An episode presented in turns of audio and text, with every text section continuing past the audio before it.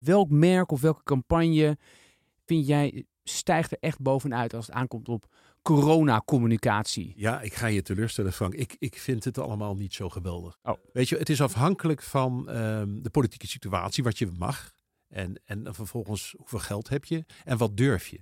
En degene die durft, die, die blijft. Hè? Als je blijft investeren en niet op zwart gaat, dan, dan kom je beter de crisis uit. En doe dingen slim. Hè? Ik bedoel, eh, als je een geldprobleem hebt, ga dan niet uh, loonsverhogingen doorvoeren of ga niet nieuwe apparatuur uh, kopen. Maar besteed dat in, in campagnes of in je PR. Want die wil communiceren met je klanten.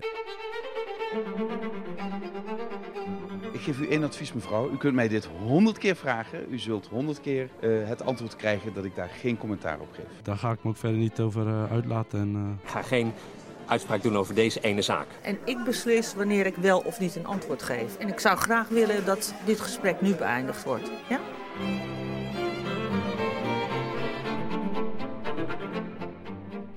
Dit is Geen Commentaar. Een podcastserie over communicatie. Na twee afleveringen in de verkiezingsbubbel te hebben gebivakkeerd, zijn we weer terug in de realiteit. Oftewel, coronatijd. En ja, we werken nog steeds allemaal thuis en vullen onze dagen achter het beeldscherm met Zoom-talks en teamsessies. Genoeg communicatieuitdagingen dus. Zeker wanneer je werkzaam bent in de auto-industrie. Niet alleen zijn de autoverkopen in Nederland keihard gedaald. We werken immers in het thuiskantoor en alle showrooms waren maandenlang dicht. Maar ook grote auto-evenementen en modellanceringen zijn er niet meer bij. En dat terwijl journalisten en consumenten nieuwe auto's altijd willen voelen, willen ruiken, willen proeven. Kortom, een flink karwei. Mike Belevante, woordvoerder van MG Motor Europe, die kan erover meepraten. Nee, maar dat, dat is ook een probleem. En daarom uh, proberen we daar een oplossing voor te bedenken. Door door te investeren. We hebben een stip op de horizon gezet. Daar willen we naartoe. We zijn in 2019, uh, toen was ik nog niet bij MG, maar uh, zijn we begonnen met een oud Brits merk. Dat overgenomen is door de Chinese SAIC, Shanghai Automotive Corporation. Uh, de grootste Chinese autobouwer, de, een, de nummer 7 van de wereld, hebben gezegd: oké, we gaan dat iconische Britse merk gaan wij uh, opnieuw leven inblazen. Maar dan niet als die affordable sportcar, maar als die affordable electric car. Dus alles elektrisch, want dat is de trend.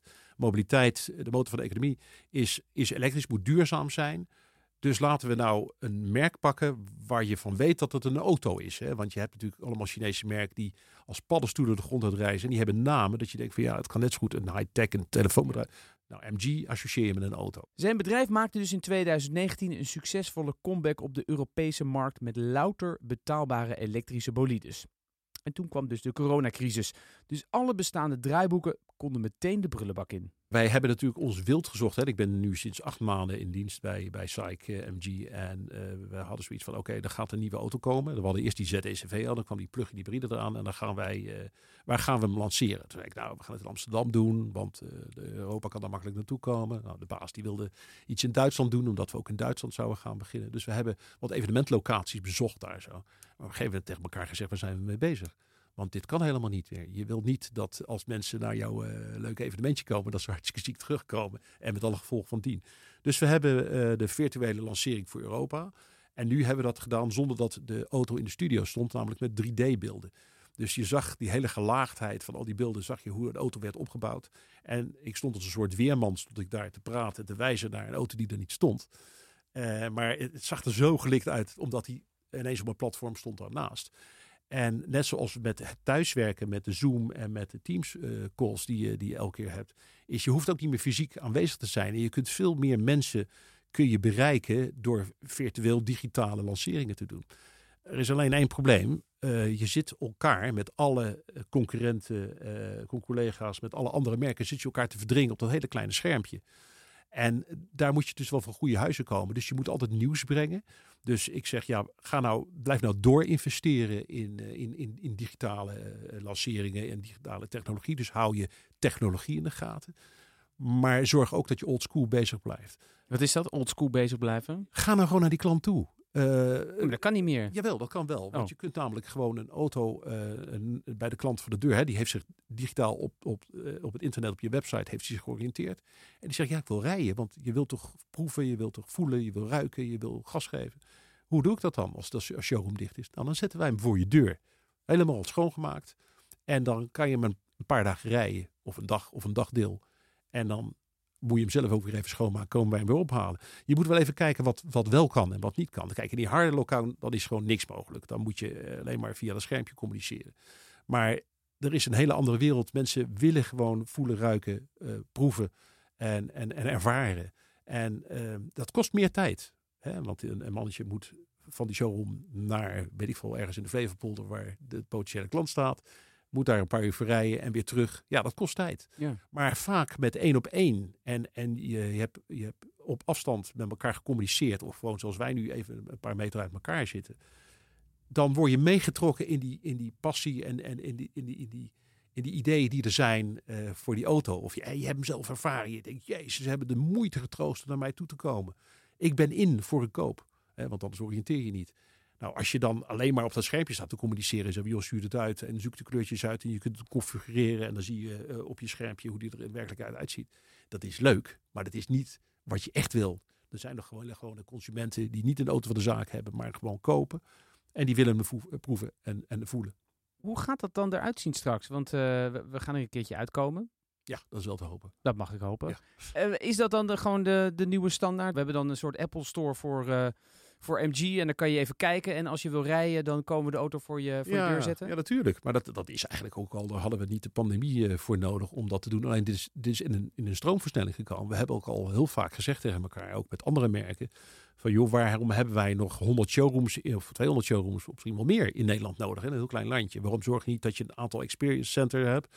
Centra hebt en, en, en, en, en, en dat je daar de dealers uh, mee laat participeren uh, en, en dat je ook een pop-up store hebt of, een, of hè, dat je uh, ik zeg wel eens dat je op, in elke situatie tegen ons merken opbotst. Als je door de Kalverstraat loopt, dat je denkt, hey, daar loopt MG of daar is MG. Of dat je op reclame op tv zegt, hey, daar heb je weer MG. Dat je ons overal tegenkomt. En dat is wat je wil doen zonder daar alles één op één te moeten hebben bij de, bij de autodealer. De autodealer is erg belangrijk. Uh, want er zit ook een hele occasion markt in. Dat is heel mooi voor die model in. Uh, maar ja, je, je kan ook met wat minder uh, stores doen. Daarom hebben wij er maar een aantal in Nederland. We gaan nog wel ietsje uitbreiden. Maar als je een stuk of tien hebt, dan heb je het wel gehad. En je hebt een aantal service center waar, waar, je, waar je je auto kunt achterlaten zodat die geserviced wordt. En meer heb je toch niet nodig? Als we nou eens naar de communicatie kijken, want uh, je hebt gezegd, nou we hebben het eigenlijk helemaal digitaal gedaan met 3D-beelden. Uh, vroeger neem ik aan, dan beelde je gewoon wat bevriende journalisten die zeiden, nou ik heb nou een nieuwe auto, moet je eens komen. Gaan we een stukje crossen nou, bijna, bijna, bijna. Je had natuurlijk, uh, dat is al een hele opbouw in. Je had eigenlijk eerst de autoshow, zoals in Genève of in Parijs of in Frankfurt, zijn de grote autoshows. Daar kwamen de journalisten dan al een half jaar van tevoren, als jij een nieuw model had, kwam je daar naartoe en dan zag je hem al. En dan had je hem een half jaar later had je hem in Nederland. Dan organiseerde je een Nederlands evenement met, uh, met, met bevriende journalisten. Maar gewoon allemaal journalisten die, die gewoon daar geïnteresseerd zijn. Het is een klein wereldje dus. Ja, nee, het is een kleine wereld. Maar uh, je, je doet het niet alleen voor de journalistiek. Je doet het ook voor de consument. Maar goed, dat zijn de, de communicatiedragers nu eenmaal. En dat is hartstikke leuk. Dus, en, en daarna heb je uh, vervolgens dat ze nog een keer komen testen. En langer gaan rijden en ook vergelijken met, met de concurrenten bijvoorbeeld. Als je puur over automotive praat. Uh, ja, het gaat ook, je hebt ook lifestyle journalisten, je hebt, je hebt foodies, je hebt alles wat, wat, wat wil associëren met mobiliteit. En die pak je dan allemaal beet. En uh, dat doe je nu veel digitaal, maar toch, ja, auto moet je nou eenmaal rijden. ja, nee, dat is waar. Een auto moet je nu eenmaal rijden.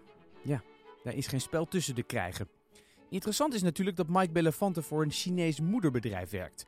Dus de vraag is, laat hij zich ook een beetje inspireren door de Aziatische manier van communiceren? Ja, ja en nee. Uh, uh, ook Koreanen en, en, de Japanners hebben toch een eigen manier van communiceren. Uh, ik zie bij Chinezen nog wel eens wat kleur. Dat ik denk van, hé, hey, dat doen wij niet. Zij, wat, wat, bedoel je dat? Kleur? Nou, kleur in, niet alleen kleur in echte kleuren van... we willen een rode en een paarse en een, en een, en een groen-gele en, auto hebben. Wij zijn meer van degelijk het zwart, het blauw, het grijs en zo. Dat in kleur, maar ook in kleur in hun communicatie. Er komt heel veel bij kijken. Ze zijn van shows. Zij huren heel makkelijk een soort uh, Olympisch Stadion af of, of van Amsterdam of Johan Cruijff Arena om iets te gaan doen. Terwijl ik denk, ja, maar dat kan veel efficiënter. Waarom zou het zo groot, zo, massaal moeten doen? Maar je moet niet vergeten dat als ik in Nederland een, een, een, een feestje had voor mijn journalisten, dat er 25 tot 30 man kwam. En, en daar komen er gewoon uh, 4.000, 5.000 man op af. Dus dat, dat, dat is al vergroot. Maar Maar aan de andere kant, jij bent ook journalist geweest. Het Ja. was wel fantastisch als je naar zo'n show in Nederland eh, voor exclusief. En dan had je lekker wat, eh, een, een kreefje en een lekker glas champagne. En dan kwam die auto binnenrijden. Dat je er een feestje van maakte. Ja, denk als journalist toch ik heb, je, ik heb zo lang in die wereld gezeten, dat was fantastisch. Alleen heb ik nu gemerkt dat journalisten daar helemaal geen tijd voor hebben. Vroeger kwamen ze met me mee, gingen we naar Zuid-Frankrijk en dan, of naar Spanje meestal. Dan gingen we een auto uitproberen en dan had je 24 uur later zat je weer thuis. En dan was je even met de vliegtuig heen en weer geweest. Had je in een vijf sterren hotel geslapen. Had je een maaltijd gehad. En had je zes uur in een auto gezeten en had je alle ouds, in zijn auto die auto gezeten. Tegenwoordig eh, eh, moet je eh, niet alleen één verhaal maken voor je krant of je magazine, maar je moet een, een, filmpje maken. Je moet een, social media tweetje uitsturen of op Facebook of op Instagram wat doen. Je bent continu bezig met, met zenden naar jouw volgers. Dus eh, je moet het veel efficiënter doen. En je kunt niet meer uitgebreid je tijd nemen om met de, met, met de heren aan de bar te zitten. Dat werkt niet meer zo. Dus je moet eh, nieuws geven. Je moet eh, interessant zijn. En je moet eh, in de toekomst durven en kunnen kijken. Dus je gaat niet meer. wij hebben nu een lancering van een nieuwe auto. Die hebben we in delen opgesplitst. We wisten dat die auto in mei kwam en die andere in, oktober. We hebben gezegd: oké, dan gaan wij in februari, maart gaan wij beginnen met communiceren. Er zijn veel concurrenten. maar wij willen alvast met dat vlaggetje staan. Kom op, let op, wij komen eraan met geweldige auto's. Marvel R en MG5 Electric. Nou, dan ga je dan eerst een annoncering doen. Dan ga je zeggen, joh, we hebben iets fantastisch in huis. Terwijl die auto nog niet was, die stond er in China. Dat hebben we met 3D-beelden gedaan. Vervolgens gaan wij eh, volgende maand een persbericht uitsturen. Maar wat u nog meer kan. Met, met, met dingen die ik u nog nu niet kan vertellen. Maar dat is heel erg interessant. Dus die journalist denkt van jeetje, dit is leuk. Want ik vond het al een leuke auto. Maar ik, hoe dat nog kan. En dan in mei hebben we de grote lancering. En daar vertellen we de prijs. Daar vertellen we alle ins en outs. En dan kan je ook meteen rijden. Dus ja, je moet continu onder de aandacht blijven. Grote vraag is, hoe belangrijk zijn die autojournalisten van de Telegraaf of Automagazine nog anno 2021? Want elektrisch rijden is hip en zelfs tech-websites en influencers recenseren de nieuwste automodellen. Ja, maar dat, dat, dat onderscheid heb ik nooit zo gemaakt. Ik vond, eh, als je dan de Telegraaf en de AD en de Volkskrant en zo, dat zijn natuurlijk hele belangrijke journalisten. Ze zijn ook influencers, alleen noemen we ze journalisten. Of eh, andersom, die eh, influencers die denken dat ze... Het gaat allemaal hoeveel volgers hebben, hoeveel abonnees heeft zo'n krant, hoe belangrijk ben je. En wij willen niet alleen maar in die automotive zitten, we zitten ook in die lifestyle of we zitten ook in andere hoeken van de samenleving waar, waar mensen kunnen beïnvloeden. Want dat is wat je wilt natuurlijk, of het dan met reclame is of met PR. Je wil mensen laten zien van, hé, hey, hier ben ik. Dus die, die autojournalist of die telegraafjournalist, die is vreselijk belangrijk. En tegenwoordig schrijven ze ook niet alleen maar voor de Telegraaf, maar ze hebben ook Autovisie. Of bij de Autoweek hebben ze nu.nl, ze hebben het AD en dat zit allemaal bij elkaar. Dus je hebt allemaal van die communicatieplatformen waar ze, waar ze eh, hun, hun, hun content op delen. Eh, influencers zijn wat anders. Dat is meer van een vriend met wie je iets deelt waar je er eerder van gelooft. Ja, ik ben wat ouder dan jij. Ik heb daar nog wel wat twijfels over hoe goed dat Ja, niet is. dat je bijvoorbeeld een, een campagne doet met Little Kleine die dan in de nieuwe MG gaat rijden. Nee, nou dat kan hoor. Ik vind dat, eh, ik, ik vind dat hartstikke goed. Maar dan wil ik wel een soort ambassadeurschap hebben. Dat je zegt van oké, laten we nou degene hebben eh, die gaat een jaar in die auto rijden. En die gaat op zijn of haar social media gaat hij daar wat over vertellen. Maar als je dan hoort eh, van ja, wij willen daar 20.000 euro voor hebben of zo, want wij zijn vreselijk belangrijk. Dan zeg ik nou, dan ben je bij mij het verkeerde adres. Eh, niet dat ik beroerd ben om 20.000 euro uit te geven, maar ik heb liever dat ik dat eh, in, een, in, een, in, een, in echt een doelgroep stop waar ook wat uitkomt. En niet van ik sta heel leuk te doen bij een autootje met een heel mooi leuk blondinetje. Wat natuurlijk geweldig is om te naar te kijken, maar niet wat je wilt. Je wilt, je wilt nieuws communiceren, je wil inhoud communiceren en je wilt niet alleen het plaatje hebben. Maar aan de andere kant vind ik het wel weer een geweldige ontwikkeling, want je wil ook onverwacht tegen je merk aanbotsen. En als je dan ineens zo'n influencer daarin ziet rijden en, en, en, daar een religie ziet te verkondigen van dit is wat je moet nemen. Ja, hoe geloofwaardig is dat? Nou, en daar moet je de balans in vinden. En ik denk dat dat absoluut een meerwaarde is voor het hele communicatietraject.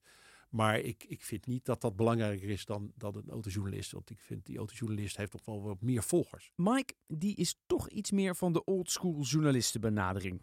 En heel vreemd is dat ook niet, want Belevante komt zelf ook uit de journalistiek. Komt natuurlijk aan een journalistenfamilie. Nou, Belefante zijn eh, de oprichters van, eh, van de voorloper van het ANP, Vas Diaz. En eh, mijn vader is natuurlijk mijn grote voorbeeld wat dat betreft geweest. Die is dan wel eens een sportjournalistiek geweest. Mijn, eh, mijn voorouders zaten allemaal in, in de lettertjes. eh, vertaalbureaus, eh, journalistiek, uitgevers. En ik moet je eerlijk zeggen, ik was altijd geïnteresseerd in sport en beweging. Was een dynamische figuur toen ik wat jonger was. Misschien nu nog wel.